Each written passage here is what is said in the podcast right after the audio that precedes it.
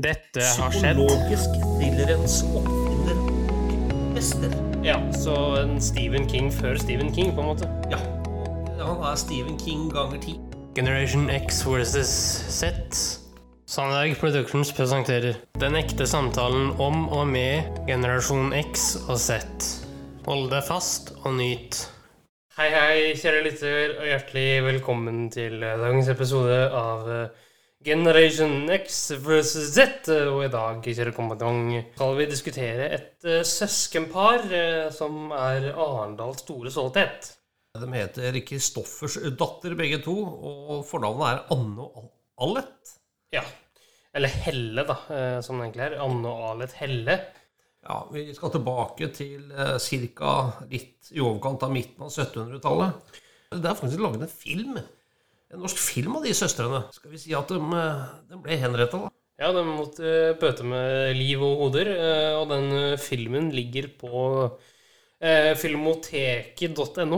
Men i dag skal vi spille av en snutt. Bare en snutt, eller faktisk 40 minutter. En henrettelsespodden med de kjære gutta våre.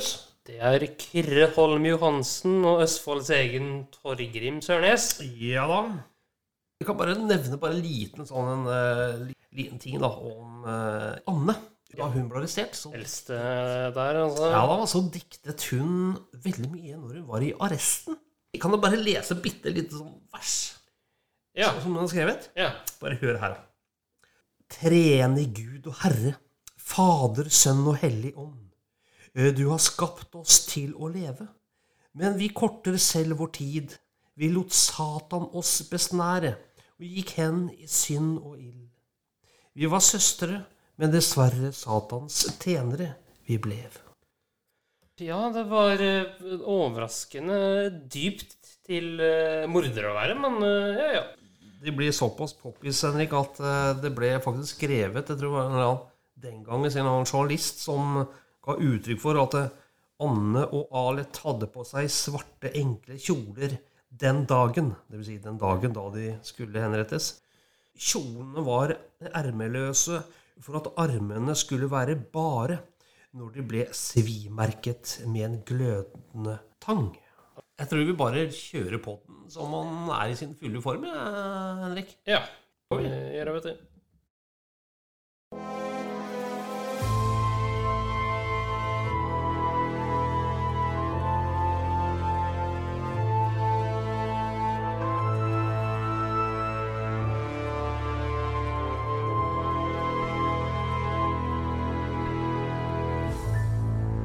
Ok, vi skal til Arendal-traktene, Torgrim. Ja, rett, rett eh, ovenfor, ah, innenfor Arendal heter det. Ja. Eh, ja, hvor nøyaktig er det? Ja, dette er jo Helle, da. Eller Øyestad, Øyestad sogn.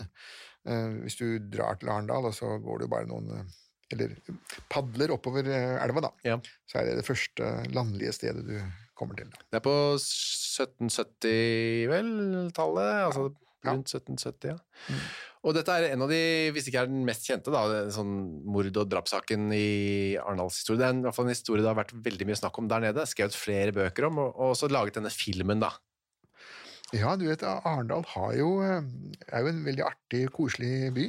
Eh, Men det er jo tydelig at disse to giftmorderskene her, denne henrettelsen her, har jo satt eh, veldig dype spor da i Og det er litt sånn for, for, forbausende, for at for andre byer har det skjedd tilsvarende grusomme ting, men der har man valgt den motsatte eh, taktikken, nemlig å legge fullstendig lokk på det Ja, og la det gå totalt i, i glemmeboken. sier du det? Men her i Arendal har man liksom løftet det fram gang på gang i forskjellige bøker, og denne filmen da, som sagt vi skal legge ut eh, link til. da. Men den handler om Anne og Alet, Kristoffersdatter Helle. Anne født i 1746, Alet er eldre, født i 1739.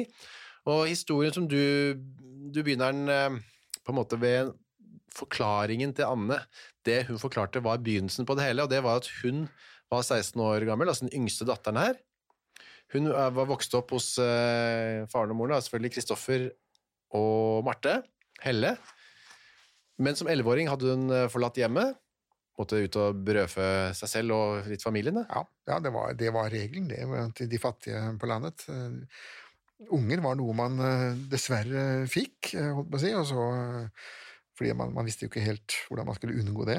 Nei. Eh, Og så fort som de var i stand til å tjene sitt eget brød, så fikk de gjøre det. Det var ni barn. Eh, Faren var egentlig skipstømrer, men nå var han en slags liten sånn småbruker, da. Ja, eller hva skal vi, vi får vel si husmann, kanskje, da. Ja. Han hadde jo ikke sitt så, så veldig, Han eide jo ikke så veldig store verdier. Nei. Og kona Marte hun jobbet litt eh, som sånn eh, satte litt tobakk her og hadde litt sånn eh, tuskhandel, som det kaltes.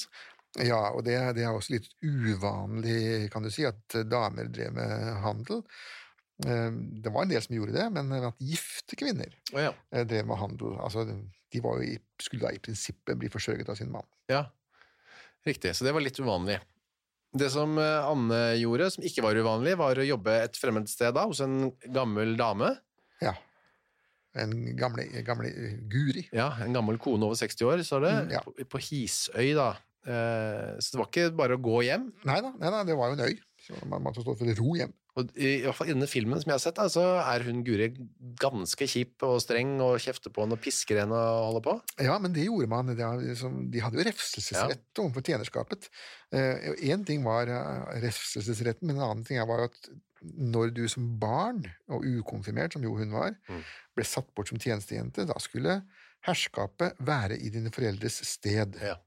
Og um, da ble det sett på som en stor og god ting hvis du fikk juling, for det, det oppdro jo barna da. Ja, så det var et pluss, det. Ja, den gangen ble det sett på det Nå er jo juling blitt sett på som barnemishandling. Den gangen så var det motsatt. Hvis man ikke slo barna sine, så var man en dårlig En uansvarlig foreldre. Ja, og da fikk man ta følgende. Og Guri tok sitt, eh, tok sitt, sitt ansvar bevisst da, og pisket eh, Eller det vet vi kanskje ikke så mye om, men vi kan regne med at hun gjorde det. Uh, Litt juling må hun ha fått, ja. Ja. Og Anne Helle, ifølge sin egen forklaring, så kulminerte eller toppet det seg. Hun var 16 år, sto utenfor huset der hvor Guri bodde og hun jobbet, og gråt fordi hun eh, ville så gjerne hjem, da. Ja, det var kanskje ikke så rart. Nei. Og da, ifølge henne selv, så dukker det opp en gammel altså Hun beskriver det som en slags, et slags, et slags uvesen. Det er jo en kvinn, gammel kvinne, da. Ja, en, en eldre omstreiferske da, som, som, eh, som hun mente var enten østlending eller, eller svenske. Eh, nå hadde jo ikke, ikke Anne hørt andre dialekter enn ærendalsk i sitt liv, sånn at eh, alt som var fremmed for det, om det var svensk eller om det var østfolding, det Det var umulig å vite. ikke for henne iallfall. Um, hun var vel ikke den helt store filologen. Men i alle fall, denne omstreifersken, eller denne heksa, eller hva Ja, Hun ser Se for seg som en heks. ja, men se, se, se, se som vorte på nesa og Ja. hele pakka. Um, hvorvidt hun noensinne har eksistert eller ikke, det, det vet vi jo ikke. Um, men det er jo litt sånn pussig at det da plutselig bare dukker opp Ja. uh, en dame som så ingen andre i denne lille bygda, eller på denne øya, da, det er jo Hisøy. Ja. Uh, ingen andre på denne øya har sett, og ingen har rodd henne over, og, ingen, og hun har jo ikke akkurat svømt heller, da. Kanskje det var en heks? Som fløy på sopelimen sin? Ja, da må man jo se opp i himmelen og ikke ned på bakken, ja.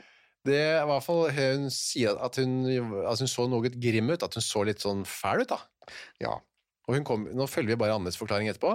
Hun, eh, hva, er det som, hva er det du står her og gråter for? Jeg, jeg lengter hjem, jeg har det ikke noe bra, sier denne Anne, da, Anna, til eh, denne gamle damen. Og da sier eh, damen ta livet av hun gamle Guri, da. ja med fluekrutt. Ja, Det er bare et annet navn på rottekrutt, eller? Altså Eh, arsenikk. Ja, flu, arsenikk, ja. Arsenikk. Fluekrutt det altså, det, det er ikke noe annet. Nei, nei, det er, det er arsenikk. Det er gult arsenikk. Ja, gult, ja.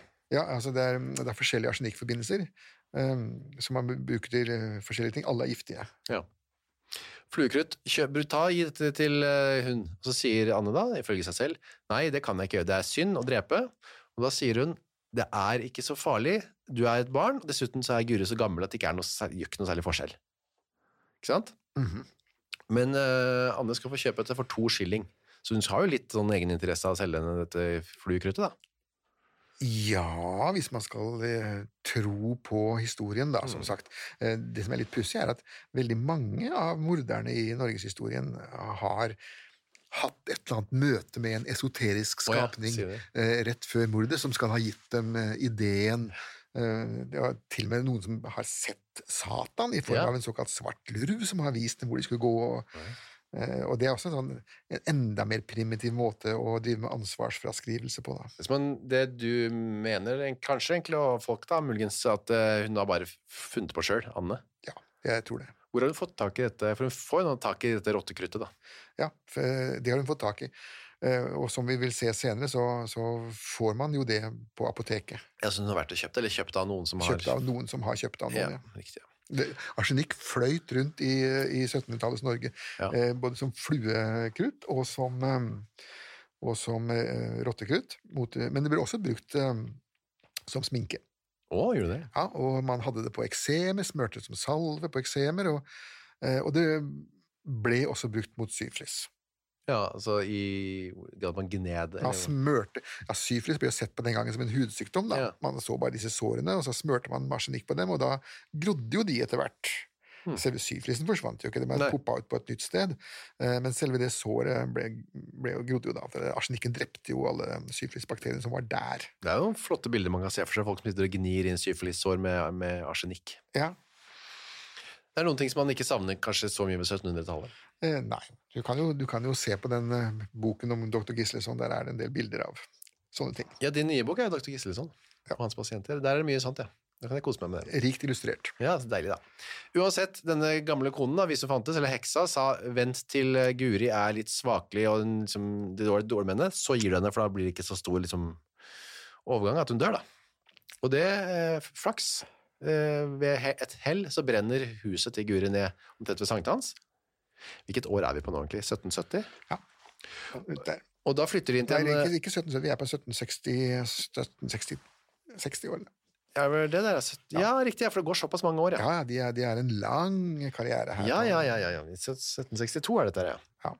Huset brenner ned, og hun og Anne, Guri altså, flytter inn til en som heter nabo, eh, Daniel Gjerulsen. Um, og nå løs, da ser Anne sitt snitt, og løser mandag 28. juni 1762 opp dette rottekuttet i en porsjon med vår eh, tidligere nevnte rett, øllebrød. Ja, øllebrødet, ja. Den, Virkelig den, den standardretten i, i det gamle Norge. Hva var, bare ta kjapt hva det var igjen. Nei, det er altså øllebrød. Øllebrød det, Du hadde ølost, og så hadde du øllebrød. Øllebrød Ølle- og øllebrød er egentlig bare brød, brød og øl som er kokt sammen i en, en motbydelig eh, suppe. da. Ja, og litt sånn restene til ølgjæringen, eller bryggingen, var det? Det Sånne ting, ja. Og jeg har aldri smakt det, men eh, jeg mener at The Monkees, altså ikke The Monkees, men The Monkees, de hadde vel en sang en gang tror jeg, med Sølvi Wang som het Øllebrød. Oh, ja, altså den Egermann Iversen uh, Hvordan lager man øllebrød, ja. ja. Ja vel, det kan man jo Øl og vann i et spann, røre rundt lite grann. vel- Ja, der har du oppskriften. Ja, ja, ja. Det kan man jo lage nå i sommer. Og så blir det pø om pø øllebrød. Så. Riktig. Det fikk i hvert fall eh, enken, altså Guri, servert av tjenestepikken sin. Mm. Og ble da straks sjuk, brakk seg, hadde rykk sånne sammentrekninger, ja. Ja, eh, hun hadde det. Hun, eh, brekninger, og det spesielt dette oppkastet og, og dette, Det går først og fremst løs på, løs på tarmer, da, og så fikk hun da disse konvulsjoner, er Ja, kramp, generelle kramper, krampanfall. Da. Anne bor hos henne, og de prøver å gi henne mat, og eh, hun vil ikke ha Guri, for det er dårlig. Og de vertskapet tilbyr Anne, kan du spise det? Da sier hun, hvem vil vel spise av den mat hun hadde sist av? Eh, ikke sant? Med arsenikk på, ja. Ja, og det er jo igjen litt sånn uklokt, kanskje, å si det, da. Ja, og spesielt når man da eh, Dette her ligner jo litt på en annen sak, da, hvor man, man klarte allikevel ikke å hive maten. Nei, så da gir man det til eh, ja, disse brødskivene som man bar ut i fjøset videre. Ja, ja. Men her kan man altså ikke kunne hive maten, så da gir man den til dyra istedenfor. Ja. Og det dør jo da kalver. Ja, den blir sjuk, den også, ja. ja. Men det, det skjer på en måte ikke noe mer nå, for nå dør Guri etter hvert. Eh, 73 år og 6 uker gammel. Ja, og det er jo det som er noe av poenget, er at når når folk på 73 år døde den gangen, så, så ble det sett på som naturens Ja. eh, orden. Og nøyaktig hva hun døde av, var det ingen som interesserte seg eh, for. Nei, det var ikke så farlig. Nei, altså, alle skulle jo dø. 1763 er hun ikke hjemme, da. Hun er, fort lov til å dra hjem, men hun kommer til en annen eh, tjeneste, da. Nei, for hun, De foreldrene har jo fremdeles ikke noe å by henne altså Hun kan ikke bo hjemme og ete på dem. Nei. Så hun må skaffe seg en nytt jobb. Men denne gangen var det nærmere, og det var kanskje godt for henne, da. Ja, godt for henne kanskje, ja. Men eh, ikke for omgivelsene, muligens. Nei, for det skulle jo bli sånn da at hun med dette giftmordet på eh, samvittigheten hun klarte ikke å holde det inni seg. Nei. Det er litt som, som jeg sa en annen gang, det er som å spise potetgull. Altså. Du, du klarer ikke å stoppe når du først har åpna posen. Det hun gjør, er at hun betror seg til eh, en som heter Berthe, en kusine. Og til uh, søstera si Alet, da, for også å vite det, en storesøster. Ja. Det med Alet var kanskje ikke så gærent, men denne Berthe Ja. hun beskriver seg som et over all måte åpenmunnet, enfoldig og umoralsk menneske. Altså, eh, hun klarte jo ikke å holde kjeften. Jeg synes det er en person du ikke skal fortelle at du driver og myrder gamle damer til, så er det en som er over all måte åpenmunnet. Eh, Egentlig så bør man vel holde det for seg selv. Ja, uansett, ja. Ja, det én vet, det vet én, men det to vet, det vet alle. Ideelt sett så bør man heller ikke forgifte gamle damer, da. Noen av dem. Kanskje utvalgte.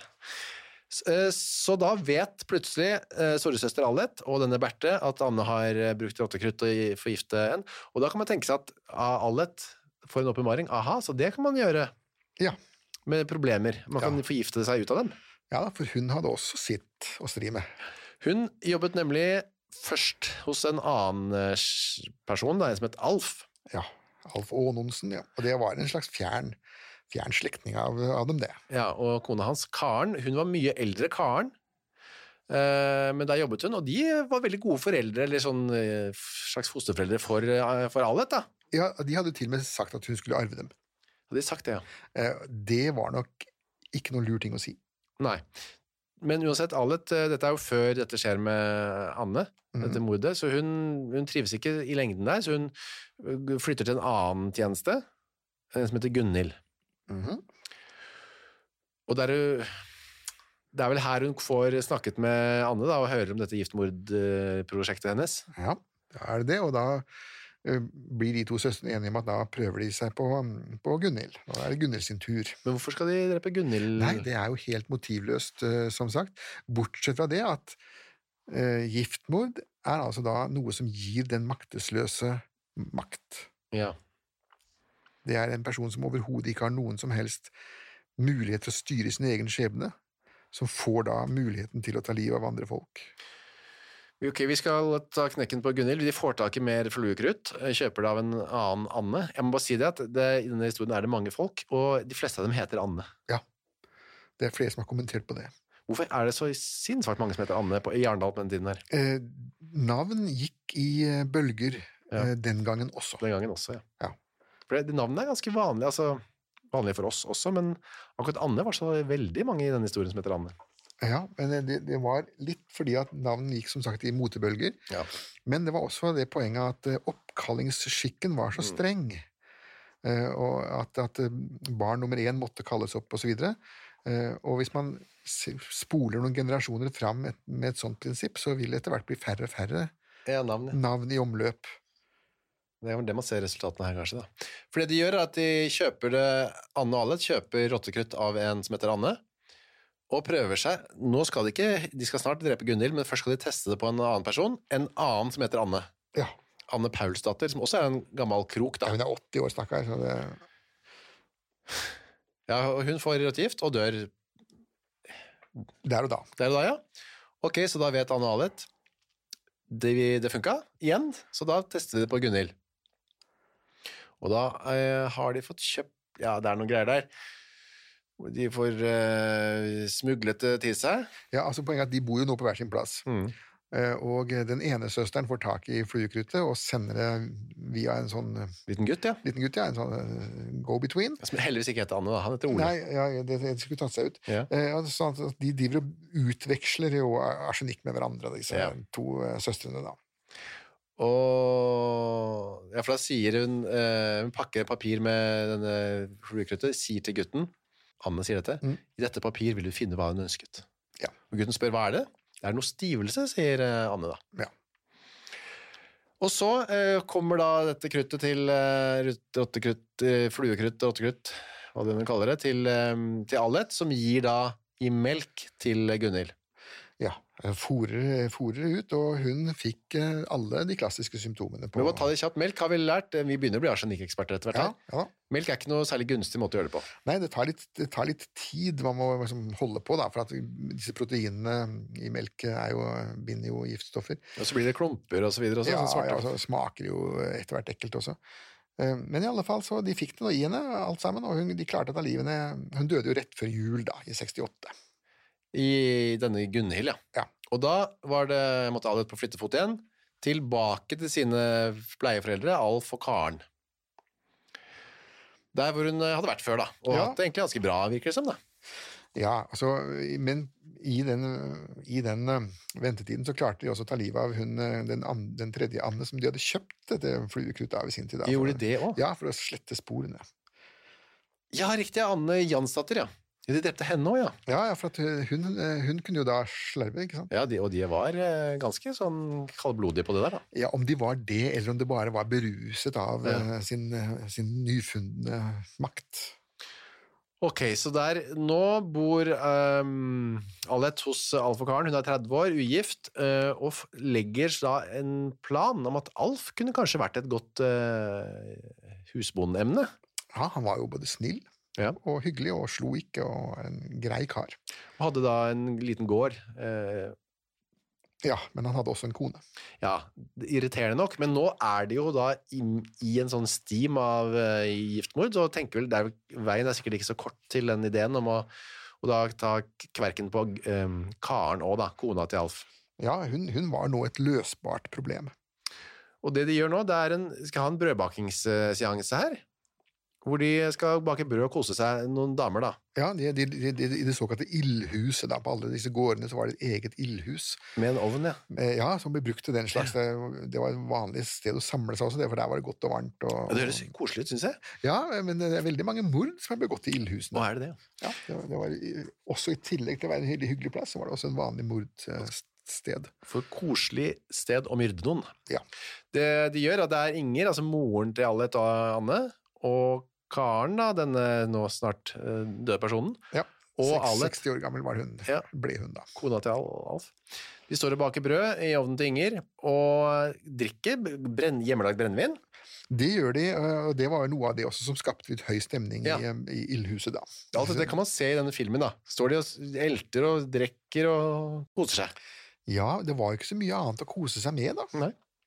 Livet var hardt, og, og brennevinet var billig. Og da, etter at de er ferdige å bake, så skjærer alle et, et godt stykke, da. Denne, dette nybakte brød kan tenke seg er kjempegodt, da. Helt Ja, og tenk på den lukten av Ah, nybakt brød forbanner i sånn lite ildhus, og varmt Ja. og godt. Og, Litt sånn en, på, en liten tår innabords. Ja, ikke bare én heller. da Stemningen var vel sikkert høy som, som et hus. Og hun smører på eh, dette mm, eh, brødet, da, smør. Og denne eksperten eh, denne, i denne filmen så er det en sånn eh, gammel professor i eh, farmasi som sier at smør og arsenikk det er en veldig bra måte å gjøre det på. Ja, bra blanding. Det er et tips til alle dere som skal myrde noen med arsenikk. Ja. Du det under eller på en skive med smør. Eh, ikke gjør det, forresten. Ikke gjør det. Ikke drep noen. Hun spiste, og så gikk det da Hun trodde først det var brennevinet som hadde gjort det, karen. da. Hun- Ikke, ikke utrolig heller det. Nei. Eh, og går inn i en da lang sånn kamp, og får mye visitter og sånn. Ja, blant annet av Alet, da, som steller med henne og Ja. putler om henne. og Hun eh, Noen sier til henne Moren til denne Birte, denne kusinen, sier eh, Vi skal prøve å oppmuntre, da. Det går vel over. Selv om man blir syk, så dør man ikke av det. Aha. Sier, og da sier Alet, mens den syke ligger der, altså Karen Nei, hun går ikke derfra. Hun fikk det like som bestemor på plassen. Altså da den gamle konen på Ja. Gunhild, da. Så uh, igjen, hvorfor sier hun det? Eh, Det er helt utrolig teit å si. Uh, Og um, det eneste forklaringen jeg kan komme med, må være at hun uh, føler seg nå veldig selvsikker. Mm. Dette er jo hennes mordoffer nummer eh, 18. Hun har sluppet unna gang på gang på gang. eh, Og så klarer hun ikke å motstå fristelsen til å hovere, eller briljere. Ja. Det er nesten nummeret før hun tilstår, bare for å få mengdens jubel. Riktig. Ja, det, det blir skjer ikke noe mer med det ennå, da. Det som skjer, er at hun etter hvert eh, dør, rett og slett. Ja. Ni dager senere. Ja, og da dukker altså da en, enda en søster opp, denne Inger. Ja. Og hun eh, er enda kaldere, for hun er da villig til å vedde med omgivelsene, og at eh, Ja. Karen kommer til å stryke med.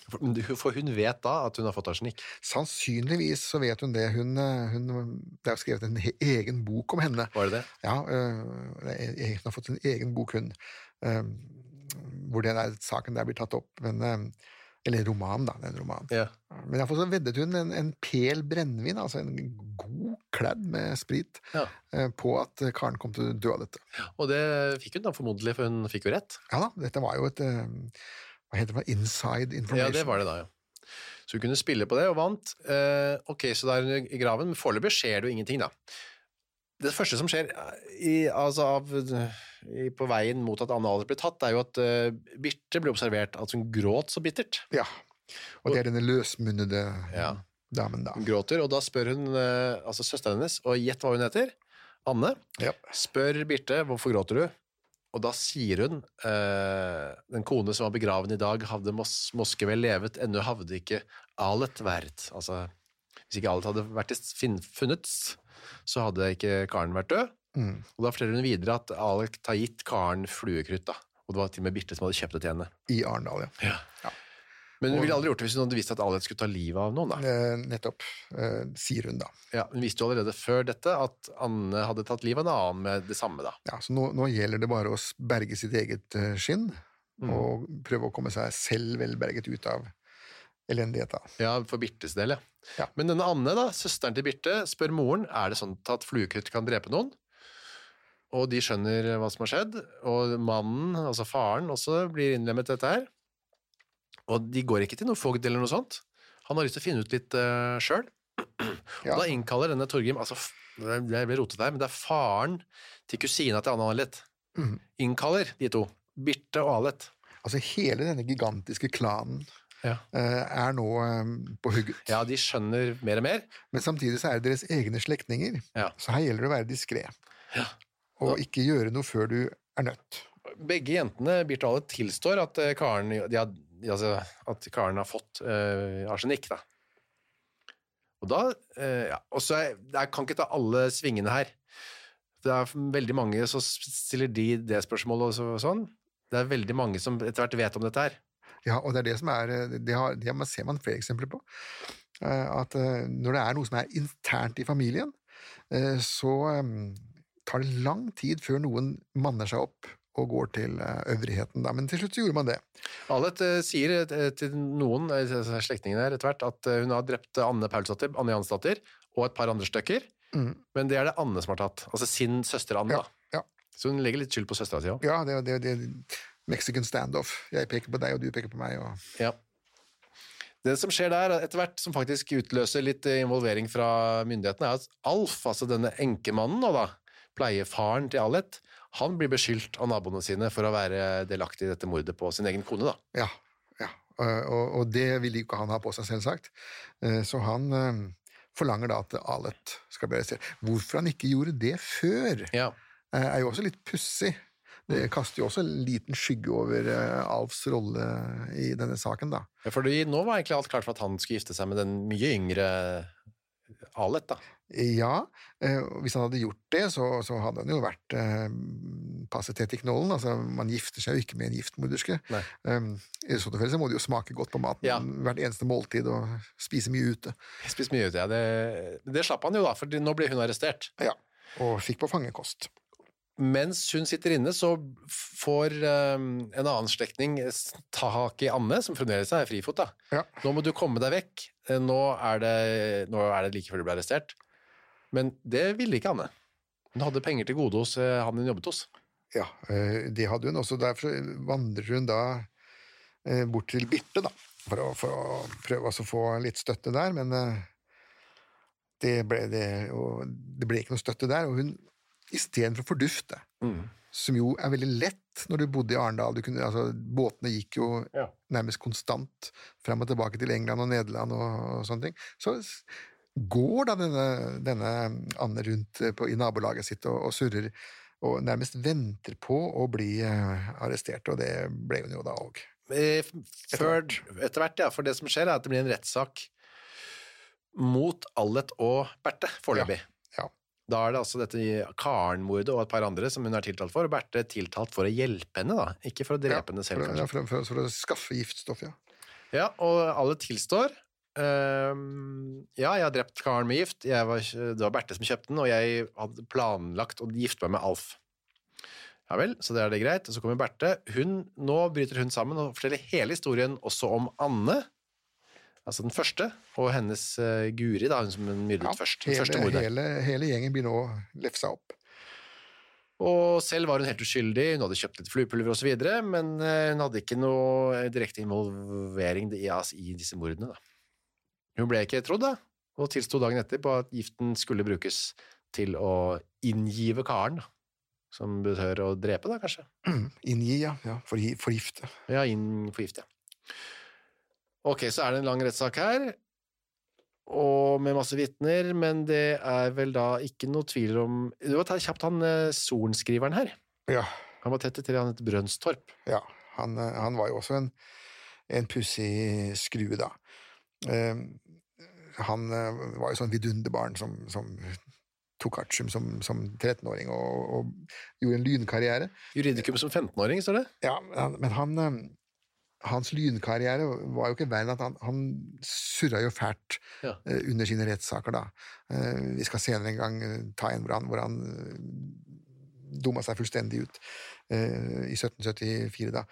Sånn at han var ikke noen stor jurist. Han, han, som ofte er med vidunderbarn, at det, de er vidundere når de er barn, altså når de blir voksne, så er vidunderet ikke så stort lenger. Glansen detter litt av. Bare det å være russ som 13-åring i seg selv er jo altså Det var Ja, hans ja, høydepunkt, kanskje. så, da. så brenner man jo fort ut, da. Ja, det var det som skjedde, kanskje. Ja, ok, det er mange vitner ble kalt inn, men uh, det er ikke noe tvil til slutt om at Allet uh, hadde myrdet både Karen og Gunhild, og de to andre nektet hun for. Ja. Så det ble ikke, hun ble ikke dømt for det, da. Det var det bare Ba- Birte som påsto. Ja. Uh, og så ble til slutt da Anne hun var involvert nå så mye via de andre at hun ble også arrestert i 2. oktober 1769. Og da hun kommer med denne fortellingen om denne heksa da, med rottekrutt på lomma. Ja, det var det hun gjorde. Og, men hun tilsto jo, eh, jo noen av mordene sine, da. Og, og, men nektet for andre. Og Ja. hvorfor, hun, hvorfor man tilstår noen og nekter for noen, det, det er heller ikke så godt å svare på. Sannsynligvis være for å ikke gjøre dette større enn det det var. Det er jo litt håp om å kunne kanskje få en benådning. Eller, Ja. Det ble, kom tre dommer 2. desember 1769. Allet skulle halshugges med øks, hodet på taket. Eh, Anne skulle hugges med halshugges, med sverd, og begraves anstendig. Eh, altså i motsetning til å begraves på retterstedet, som Allet skulle gjøre. For det var da Allet hadde drept to som han hadde funnet bevis for, da. Ja. Så da skal man eh, Vi har jo lært at øks, det er det Da er det liksom det for de Ja, overlagt mord. Ja. Mm. Mens halshugges med sverd, det er litt mer eh, humant på et eller annet vis. Iallfall mer ærefullt. Ærefullt, ja. Ja, det Og det å begraves i en kirkegård er viktig, for da kan du stå opp igjen fra de døde. Ja, eh, det ble sett på som en hederlig måte å ligge på. Og Berthe skulle på tukthus på resten av, for resten av livet, da. Ja, det var eh, livstid. Tukthuset var jo da i Kristiansand. Riktig. Og det var det. Det var jo ikke noe særlig som skjedde med Anke. Det ble stimulert skjerpet. Eh, Ja da, det ble, det ble, det ble skjerpet. eh, Og denne anken var jo slik at i alle dødsstraffsaker så måtte det, det var automatisk anke til eh, lagmannsretten, da. Mm. Kristiansand lagting. Og de godkjente dommen. Så eh, havnet den i neste instans i Kristiania, i overhoffretten, som var altså da en sånn lokal eh, Rett før Høyesterett, de hadde flere rettsinstanser den gangen. Så de kom da til overhoffretten, som var i, for hele Norge, eh, i Kristiania. Eh, og da ble dommen litt lettere, for da, da skulle de nå bare halshugges begge to og begraves i kirkegården. Altså det var sverd nå for, Mm. eh, for begge, da. Eh, men så eh, havnet saken i København, hos den danske høyesterett. Eh, og de dro da til eh, en forordning fra 1697, altså nesten 100 år gammel Ja. forordning, eh, som gikk på de som tok livet av sin ektefelle eller sin herre eller husbond, sin frue eller matmor. De du jobbet for, altså. Arbeidsgiveren din, Ja. altså. Foreldre eller arbeidsgivere. De skulle da, gjennom en aldeles gruelig straff, De skulle knipes med de glødende tengene Mm. av skarpheteren, da. Fem eh, ganger. Eh, først utenfor gjerningsstedet, og så til slutt på rettestedet, og så i tre ganger i mellom, mellomtiden der, da. Så skulle hånden hugges av mens du fremdeles levde. Det var en, de hadde egen øks til det, men sånn litt, litt mindre. Ja, en håndhøks. Ja, Håndøks. eh, og så skulle hodet av, og så skulle hele greia, hender og hode og kropp, alt opp på steil og hjul, og, eh, og der skulle det da ligges. Eh, Den forordningen, eh, som om ikke den var ille nok, da, så har den et sånn siste lite avsnitt om at eh, hvis mordet var enda verre enn dette igjen, Ja. eh, så eh, kunne da dommeren skrive inn til kongen, så kunne kongen komponere en adhoc-straff som var oh, ja. enda mer grotesk. da. ja, ja vel. Så det var ikke slutt med dette. Men dette ble sendt til kongen, og han Han syntes det var greit. Alt dette var greit. Ja. Han tenkte ikke å komponere noe egen, da. Det var ikke så Eh, nå var det slik at eh, denne kongen, det, det var jo da Kristian den syvende, Mm. eh, han var eh, på dette tidspunktet her gal, Ja. og han ble bare galere og galere. I tillegg så var han en sadist. Det var flere av disse danske-norske kongene. Eh, De likte å piske folk og sånne ting selv, da. Ja. Og kong Kristian han syntes det var veldig morsomt å se på henrettelser, og stilte gjerne opp og, som tilskuer der. Han lagde til og med også sånne mock-henrettelser, hvor, hvor, hvor eh, hoff, hoffolkene hans der måtte stå der og så vente på å bli henrettet, og så ble de benådet. Da. Så han, han var en, en, en veldig pussig skrue, og han hadde ikke noe imot eh, dødsstraff, eh, han. Og i dette tilfellet, akkurat her, akkurat på dette, denne tiden, 1770-årene, så begynnelsen av 1770 så hadde han da denne livlegen sin Struensee, som var en formildende innflytelse på ham. da. Men Struensee ble jo selv eh, halshugd og partert ganske kort tid etterpå. Ja. Og da slapp Kristian den syvende seg helt løs igjen. da. Riktig, ja. Men, og her i denne saken så sa han bare godkjent, hilsen kongen. Uh, ja, det, det de ofte gjorde, var at de skrev på dommen 'fiat justitia', betyr altså la, la rettferdigheten skje. Ja. Uh, og så ble det omformulert av, av eh, oversekretæren til en litt mer eh, omstendelig godkjennelse, da. Men det var ikke noe tvil i hvert fall. Anne og Alet, de, de skulle miste hodet begge to. Eh, Miste hodet, miste hånden og møte de glødende tingene, da. Og da er vi tilbake igjen her, eh, Torgrim. Den eh, 24. mai 1771, og nå har jeg funnet fram denne filmen igjen. Fortell kjapt den som har laga denne filmen. Det er Stefan Hergel i Hergel Films som, som eh, lagde den. Og jeg må si, i all beskjedenhet så har jeg også selv en bitte liten rolle Ja, du er en sånn ekspert eh, inni der. Altså, der også. Talking Head. Ja. Um, og det her har de satt opp eh, Det er jo veldig interessant for folk som syns det er spennende å høre på dette, her, hvordan det ser ut. For de har vel, tipper jeg, bygd opp ganske likt sånn som det var, eller? Ja da, det der er nok som sånn eh, man vil forestille seg at det så ut, ja. Det er i skogen, og det er et eh, podium eh, lagd av tre, da, selvfølgelig. Og så er det en prest, og så er det en eh, fogd der, eller? Ja, det er, det er, det er fogden Skytte, ja. Så står det en Han uh, skarpretteren står der. Ja, det er Hvitt. Johan Witt, ja. Christian Hvitt, en, en tysker. Han hadde litt uheldig dag på jobben. Eh, ja, han hadde flere uheldige dager, han, eh, men dette var, dette var jo den som ble mest uh, kjent, da. Ja. Og så er det Anne-Alet, selvfølgelig. Begge to står med hodet bøyd der. Uh, Ja. Så en sånn knekk, da. Ja. Og så er det soldater. Og så er det masse folk som har kommet for å høre på. Ja, tilskuere, ja. De hadde, de hadde jo Dette var jo langs elven, ikke sant, så de kunne jo bare ligge ute der i båtene sine og glo. Så sang de en salme, og det gjorde man, eller? Ja, det skulle alltid gjøre. Dette var en religiøs forestilling. Dette er nesten som en Ja, det er en form for uh... Det er du som snakker. Stiliserte affærer. Ok. Um... ja, og denne filmen her, det viser jo da hele hvordan dette går. Fordi det som skjer, er jo at først skal han Først så kniper du disse stakkars jentene med tenger. Ja. Glødende tenger. Mhm. Skriker og bærer seg, selvfølgelig.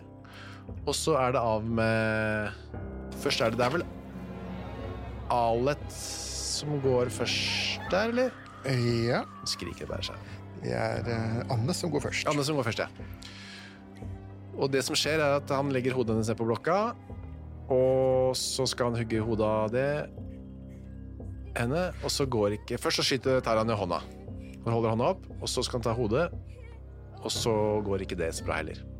Nei, han, eh, han bruker tre hugg på å få eh, hodet av, og må til slutt eh, sage litt, da. Og man ser også da, mens det foregår, at, at hun, gjør noen små bevegelser med den hånden hun har igjen. Og det, dette med å hogge feil på den måten der, det skjedde stadig vekk. Det var en av tingene som gjorde at man i Norge etter hvert ville ha en giljotine. da. Mm. Det er en som spør om uh, man har brukt giljotine i Norge noen gang. Eh, nei, eh, den har aldri blitt brukt. Eh, den, eh, vi sendte en ekspedisjon ut for å kjøpe en, Mm. eh, eller for å kjøpe tegningene til en. Og da viste det seg at Frankrike var ikke interessert i å ha det som eksportartikkel i det hele tatt. Men en av de tyske delstatene, jeg lurer på ikke det var Braunschweig, sa seg villig til å, å donere eller selge et eksemplar. Men det ble aldri noe av. Svenskene kjøpte en og brukte den én gang, og så avskaffet de eh, dødsstraffen, da. Det her ble i hvert fall brukt øks, og som du sier, eh, han bommer og bruker tre slag på få hodet, og i mellomtiden besvimer jo stakkars søsteren til Anne, da, Alle oppå der. Det var vel ikke så urimelig, vel? Det var ikke urimelig, nei. Men hennes hode kom ganske greit av. Ja da. eh, Nå hadde jo Hvitt fått eh, litt mer snøringer på hva han drev med, da. Blitt varm i trøya. Ja, ja. Men Det så også at en eh, ung mann som eh, før de ble mistet hodet, da, går fram og tilbyr seg å gifte seg med Anne. Det er en sånn legende som har ble sirkulert der, ja. Eh, Faktum er at det har skjedd, Ja. eh, men ikke med Anne Alet. Å nei. Eh, Men en god del år før så var det en dødsdømt eh, kvinne som eh, på skafottet eh, ble viet til en mann og eh, slapp unna. Oh, ja. Det, men det er veldig mange år før.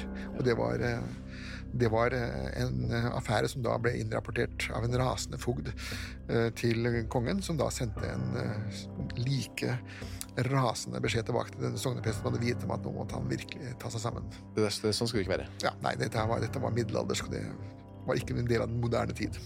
Tre og en halv time tok denne seansen opp på det podiet inne i skogen ved elven der, da. Ja. Eh, Anne og Alet mistet både Er det Anne mistet hånden og hodet? Begge, mistet- begge mistet, begge, begge hender, mistet ja. begge. Og satt opp på eh, hjul og sånn stake. Ja, ja. Og der fikk de stå til de datt ja, åtte dager, sa jeg. åtte dager. Ja. Åtte dager. Dette er også filmet veldig grafisk. Det er ganske sterke scener i den filmen. kan vi røpe. Eh, Ja da, ja da det, det, det må jeg si. Det er, um, det er flere som snur seg vekk Ja. Når de ser på det der. Det blir litt mye. Ja. Men det er i hvert fall en mulighet man kan ha for å Hvis man lurer på hvordan det så ut, da. Ja da. Vi legger ut en link, som sagt, eh, og slutter denne forferdelige historien eh, med det, da. Det gikk til helvete med dem, som eh, de fleste, ja. de fleste andre vi snakker om i denne podkasten. Ja. Vi er tilbake om en uke, vi, Yep, yep, med nye grusomme greier. fryktelige ting. Ja, Ja, var det ikke en direkte solskinnshistorie, det kan man jo ikke si. Men Neida. det var litt av en historie, i hvert fall. jo, ja da. Men uh, igjen, så ja. Du, hva, hva, hva skjer neste uke? Jo, neste uke så skal vi snakke om en, eh, et Grand Prix-løp i F1 og en bane som er legendarisk, men som kan miste plassen på kalenderen etter 2022. Ja, vi skal snuse litt i det landet racet er også, for liksom å dy, dy, dyk, dyk, du, duppe ned. Dypdykke. Takk skal du ha. Til eh, litt sånn eh, morsomme fakta. altså. Ja. Jeg er ikke ferdig ennå. Du er ikke ferdig ennå. Nei.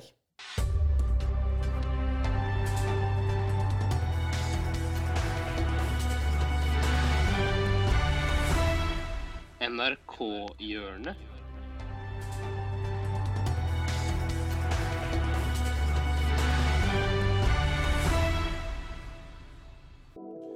Ja da.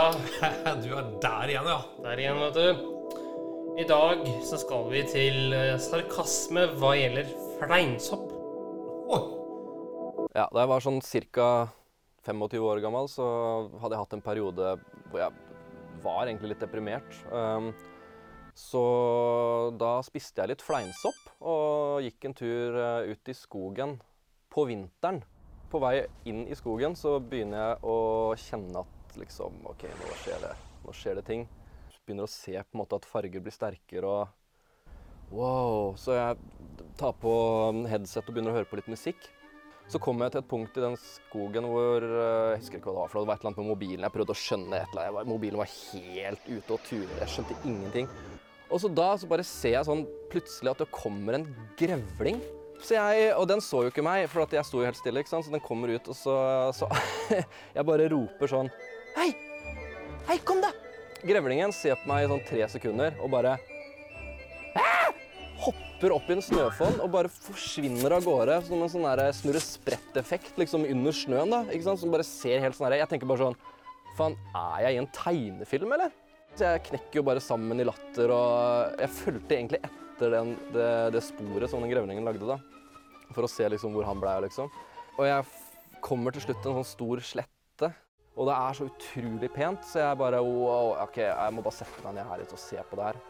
Mens jeg stirrer på det her, så på en måte ser du som landskapet bare sånn begynner å puste og bevege seg opp og ned. Og jeg bare wow, jeg er liksom en sånn stein som ser på en måte årstidene komme og gå, og det liksom Jeg blir helt Jeg blir helt overvelda over hvor vakkert det er. Jeg tenker sånn Herregud, så fantastisk livet er.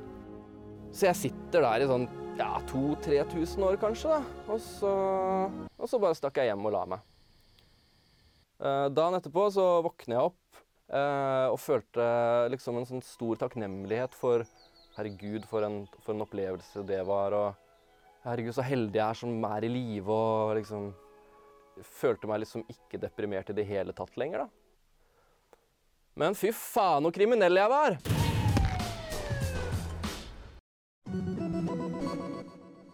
Ja. Vel, my son, don't even think about it. Don't even try to do it. Because you know what's going to happen next. Uh, og jeg, da? Jeg blir jo da drept hvis jeg prøver. Uh. Du blir ikke direkte drept, men uh, du blir panneflat i hvert fall. Ja, jeg har hørt mange historier uh, som ligner her, uh, Ja. og det er jo uh, ikke bra. Nei, det er ikke det, gutten min. Men du, jeg sier tusen takk for nå, jeg. Jo, takk for nå, og vi kommer tilbake sterkere neste uke. Vi skal jo snakke om et land lenger ned i Europa med en betydelsesrik hovedstad, blant annet. Absolutt. Mer enn det trenger vi vel ikke si, eller? Nei, jeg sier bare på gjensyn, jeg. På gjensyn. Tusen takk for at du fulgte oss. Gi gjerne tilbakemelding, likes eller kommentar på Facebook-siden vår Generation X versus Z. Velkommen igjen til neste podkastepisode. Hei då!